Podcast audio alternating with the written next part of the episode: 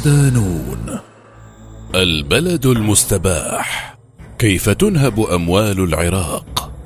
مقال لعمار الحديثي ضمن ملف فرهود. بحسب تصريح الرئيس العراقي برهم صالح تحصل العراق على واردات وصلت إلى تريليون دولار من بيع النفط منذ عام 2003 وحتى عام 2021 ورغم الإمكانات الهائلة التي يملكها العراق لكنه لا يزال يرزح تحت نسبة مخيفة من الفقر والبطالة وانعدام الخدمات وسوء الحالة المعيشية. والسبب ببساطة منظومة الفساد التي تستغل موارد العراق. منذ عام 2003 تصاعدت عمليات الفساد لتصل إلى مراحل غير مسبوقة. فقبل أيام فقط شهد مصرف الرافدين سرقة مليارين ونصف مليار دولار من أموال الضرائب. ورغم أن فضيحة كهذه يمكن أن تهز أي حكومة في العالم مر الأمر بوعود إجراء تحقيقات قد لا تختلف عن سابقتها من حيث انتهائها دون أن تفضي إلى شيء. في ملف فرهود وهو تعبير عراقي محلي يشير إلى عمليات النهب واسعة النطاق. نفتح ملف الفساد في العراق ونستعرض ارتكاب الأحزاب الحاكمة عمليات نهب ممنهجة طيلة تسعة عشر عاما من ميزانية العراق بطرق مختلفة. ليس أولها المشاريع الوهمية والموظفون الفضائيون وليس آخرها الرشاوى والعمولات مرورا بتحميل العقود الحقيقية اثرا من قيمتها وسرقة الفائض منها لجيوبهم الخاصة. لا شك أن الفساد موجود في معظم دول العالم، لكن المشكلة أن الفساد في العراق مستشر بعمق في الدولة. حتى السلطات التشريعية التي تراقب عمل الحكومة والهيئات المختصة بمراقبة الفساد ومحاسبته هي جزء أساسي من عملية امتصاص واردات العراق مع كل موازنة أو عقد أو مشروع تنجزه إحدى الوزارات ودوائر الدولة. أصل القصة. القادمون بالجيوب الفارغة ترتبط تحديات الفساد في العراق ارتباطا وثيقا بالتقلبات السياسية التي أعقبت الغزو الأمريكي وسقوط نظام الرئيس الأسبق صدام حسين عام 2003 والتسوية السياسية غير المستقرة التي تلت ذلك. فبينما كان صدام حسين لا يزال في السلطة صاغت شخصيات معارضة عراقية منفية نظام حكم لعراق ما بعد البعث، والذي سيمثل المجموعات العرقية المختلفة في البلاد ضمن هيكل نسبي لتقاسم السلطة.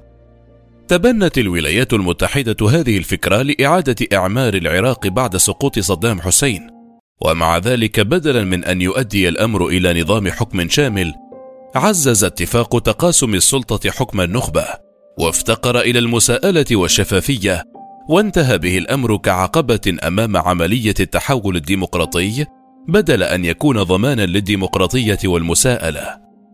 ساعدت على تفاقم الوضع الاضطرابات العسكرية التي شهدتها البلاد نتيجة التهميش والإقصاء الناتج عن هذا النظام ولمعالجة الموقف وضعت واشنطن ثقلها خلف الحل العسكري بمساعدة الميليشيات التي تتبع لهذه النخب الحاكمة.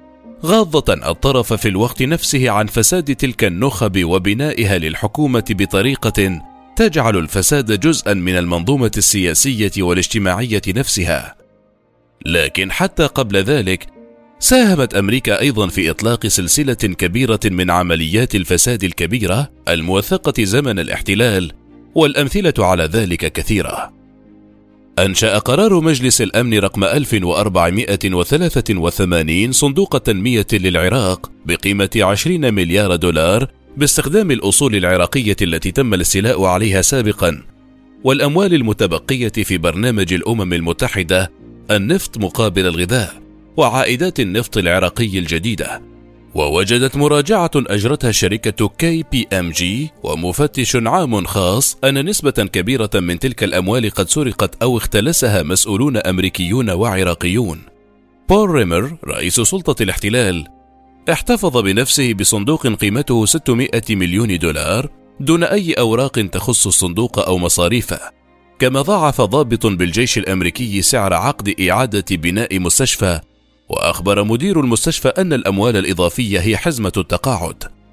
دفع لمقاول أمريكي 60 مليون دولار على عقد قيمته 20 مليون دولار لإعادة بناء مصنع للإسمنت وقال للمسؤولين العراقيين إنهم يجب أن يكونوا ممتنين لأن الولايات المتحدة أنقذتهم من صدام حسين فرض أحد مقاول خطوط الأنابيب في الولايات المتحدة مبلغ ثلاثة ملايين دولار فاصل أربعة مقابل أجور عمال غير موجودين ورسوم أخرى غير مناسبة. بالمحصلة من بين 198 عقدا راجعها المفتش العام فيما يخص ملف إعادة الإعمار.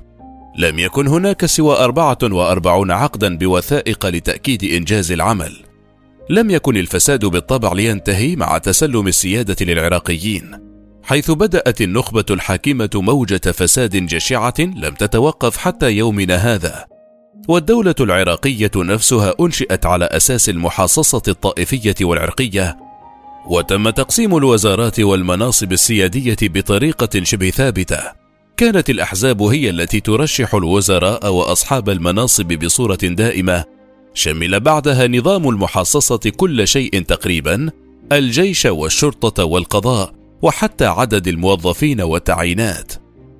من الناحية الأيديولوجية كان هذا التنافس للسيطرة على الدولة من قبل مجموعات من السياسيين المنفيين سابقا والمدعومين بقوة السلاح الأمريكية مبررا من خلال الادعاء بأنهم يمثلون مختلف الجماعات العرقية والدينية التي يتكون منها المجتمع العراقي. ما وفر لهم حماية ضمنية باعتبار أن مهاجمتهم تعني تهميش طائفة أو مكون في البلاد. كانت هذه الطبقة السياسية المسؤولة المباشرة عن عملية سحب الأموال لصالح الأحزاب من خلال طرق عديدة، وكل حسب مجال عمله، العقود والمشاريع الوهمية، العقود الفرعية، الموظفون الفضائيون، مشاريع بنسب إنجاز متدنية أو غير مكتملة، تهريب الأموال أو غسيلها، تلاعب في قيم العقود إلى آخره.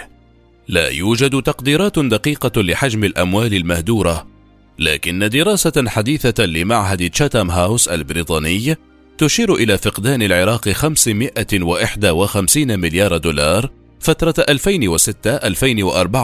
فقط لتصور حجم الفساد الحاصل في الدولة العراقية يكفي معرفة أن العراق يحتل المركز 157 على مؤشر الفساد في منظمة الشفافية العالمية وأن هيئة النزاهة أعلنت عن تورط أحد عشر ألفا وستمائة وخمسة مسؤولين بالفساد بينهم أربعة وخمسون وزيرا وجهت إليهم خمسة عشر ألفا ومئتان وتسعون تهمة خلال العام 2021 وحده. وبمناسبة الحديث عن هيئة الفساد فهي هيئة مستقلة لا تخضع لرقابة الحكومة لكنها مشكلة بالكامل من أعضاء ترشحهم أو توافق عليهم الأحزاب السياسية المتهمة أساسا بالفساد. تقول رئيسة هيئة الاستثمار سهى النجار في تصريح إن الهيئة استعادت أكثر من 400 ألف دون من أراضي الدولة كانت محجوزة تحت مظلة المشاريع الاستثمارية الوهمية وغير المنجزة التي تقدر بقيمة 90 تريليون دينار ما يعادل 62 مليار دولار. بينما أقرت وزارة التخطيط بوجود ستة آلاف مشروع أخذت أموالا من الدولة دون تنفيذها. إدارة فاسدة وحدود منهوبة. تمثل المنافذ الحدودية إحدى أغرب قصص السرقة في عراق ما بعد 2003 حيث يمتلك العراق أحد عشر منفذا حدوديا يتعامل بها تجاريا مع 130 دولة حول العالم. حيث تتراوح واردات العراق من المنافذ بين خمسة وعشرة مليارات دولار. يقول عضو اللجنة المالية في مجلس النواب هيثم أجبوري إن حوالي عشرة من هذه المنافذ تقع خارج سلطة الدولة العراقية. تديرها مكاتب اقتصادية تتبع لعشائر وميليشيات خاضعة للأحزاب المشكلة للحكومة. بالتالي يستحيل محاسبتها تقريبا. فهي محمية بالسلاح الذي أصبح رسميا رغم أنه خارج سلطة الدولة. وهي محمية أيضا بسلطة الأحزاب التي تديرها. كما تقول عدة مصادر إن سيطرة هذه الميليشيات على المنافذ الحدودية تكلف العراق سنويا بين ثلاثة وأربعة مليارات دولار.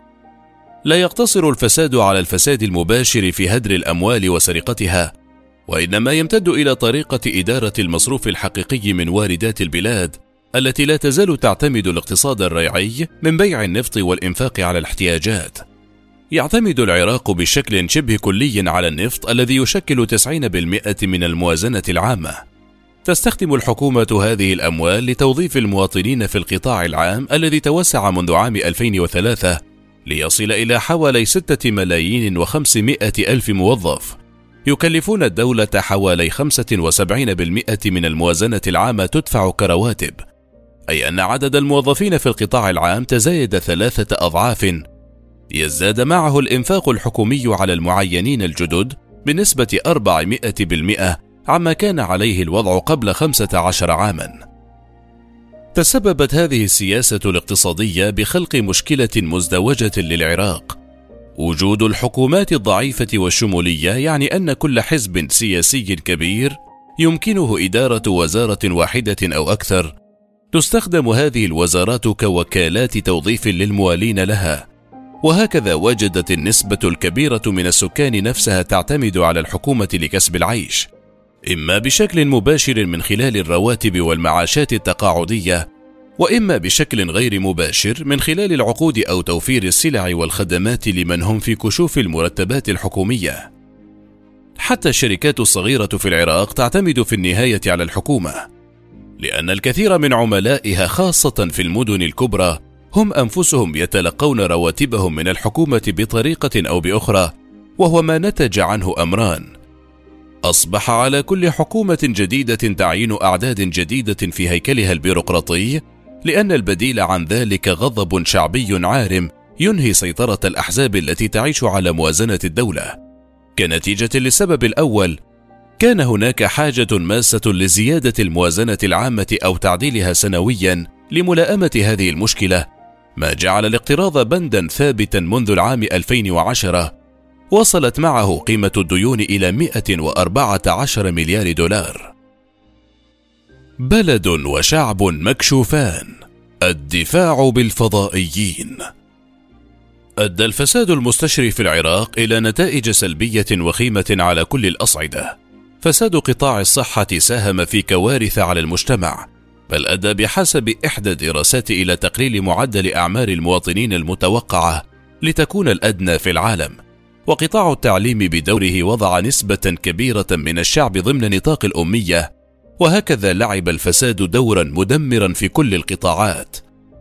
تعتبر ظاهرة الفضائيين أحد أبرز أشكال الحياة السياسية في عراق ما بعد الغزو عام 2003 ويقول وزير المالية السابق علي علاوي إن حوالي 250 إلى 300 ألف موظف ضمن هيكل الدولة العراقية البيروقراطي الضخم هم من الفضائيين الذين تتسرب رواتبهم إلى جيوب الفاسدين كما يقول مسؤولون عراقيون إن 20% من رواتب الموظفين التي تبلغ حوالي بين 40 و 45 مليار دولار يخسرها العراق لصالح منظومة الفساد السياسي.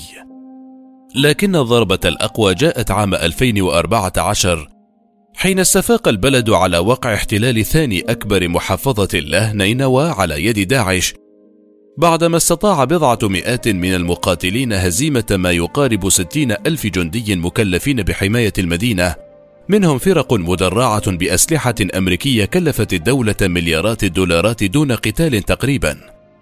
ليتضح بعدها أن جزءا من هؤلاء المقاتلين كانوا جنودا وهميين. حيث قال رئيس الوزراء الأسبق حيدر العبادي فيما بعد إن القوات الأمنية تضم خمسين ألف فضائي. تدفع الدولة رواتبهم وتجهيزاتهم وأكلهم وشربهم وتدريبهم وتسليحهم دون أن يكون لهم وجود على أرض الواقع.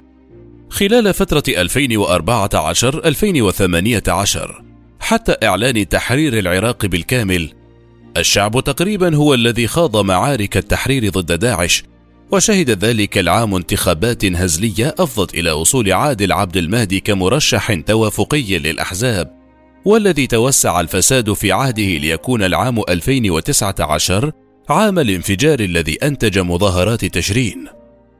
لم تكن المظاهرات تهدف إلى إسقاط حزب أو وزارة بعينها، وإنما كانت مطالبات مدنية باستبدال كل نظام المحاصصة السياسي، بالطبع كانت هذه المظاهرات هي أخطر ما واجهت الأحزاب الحاكمة كون النسبة المشاركة فيها من الشريحة التي ساندت تلك الأحزاب بداية تشكيل الحكومة العراقية بعد الاحتلال.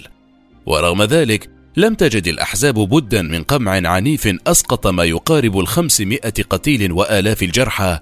كثير منهم أصيب بعاهة دائمة. الآن انتقل الصراع إلى ما بين تلك الأحزاب نفسها بدخول التيار الصدري الذي يملك عدة ميليشيات مسلحة ساحة الصراع وفرض الهيمنة. ويشعر الكثير من العراقيين أن التغيير في العراق قد لا يكون إلا مسلحا بوجود أحزاب تحتكر السلاح وقوات أمن متفرجة تستنزف موازنة العراق دون جدوى حقيقية لوجودها. وحتى تحين لحظة التغيير سيظل العراق رهينة دوامة لا تنتهي من الفساد وهدر المال العام دوامة يظل فيها المواطنون بين أمرين الثورة على النظام الفاسد ومواجهة رصاص يدفعونهم ثمنه أو حياة صعبة يدفعونهم ثمن الفقر فيها من صحتهم وأحيانا من عمرهم.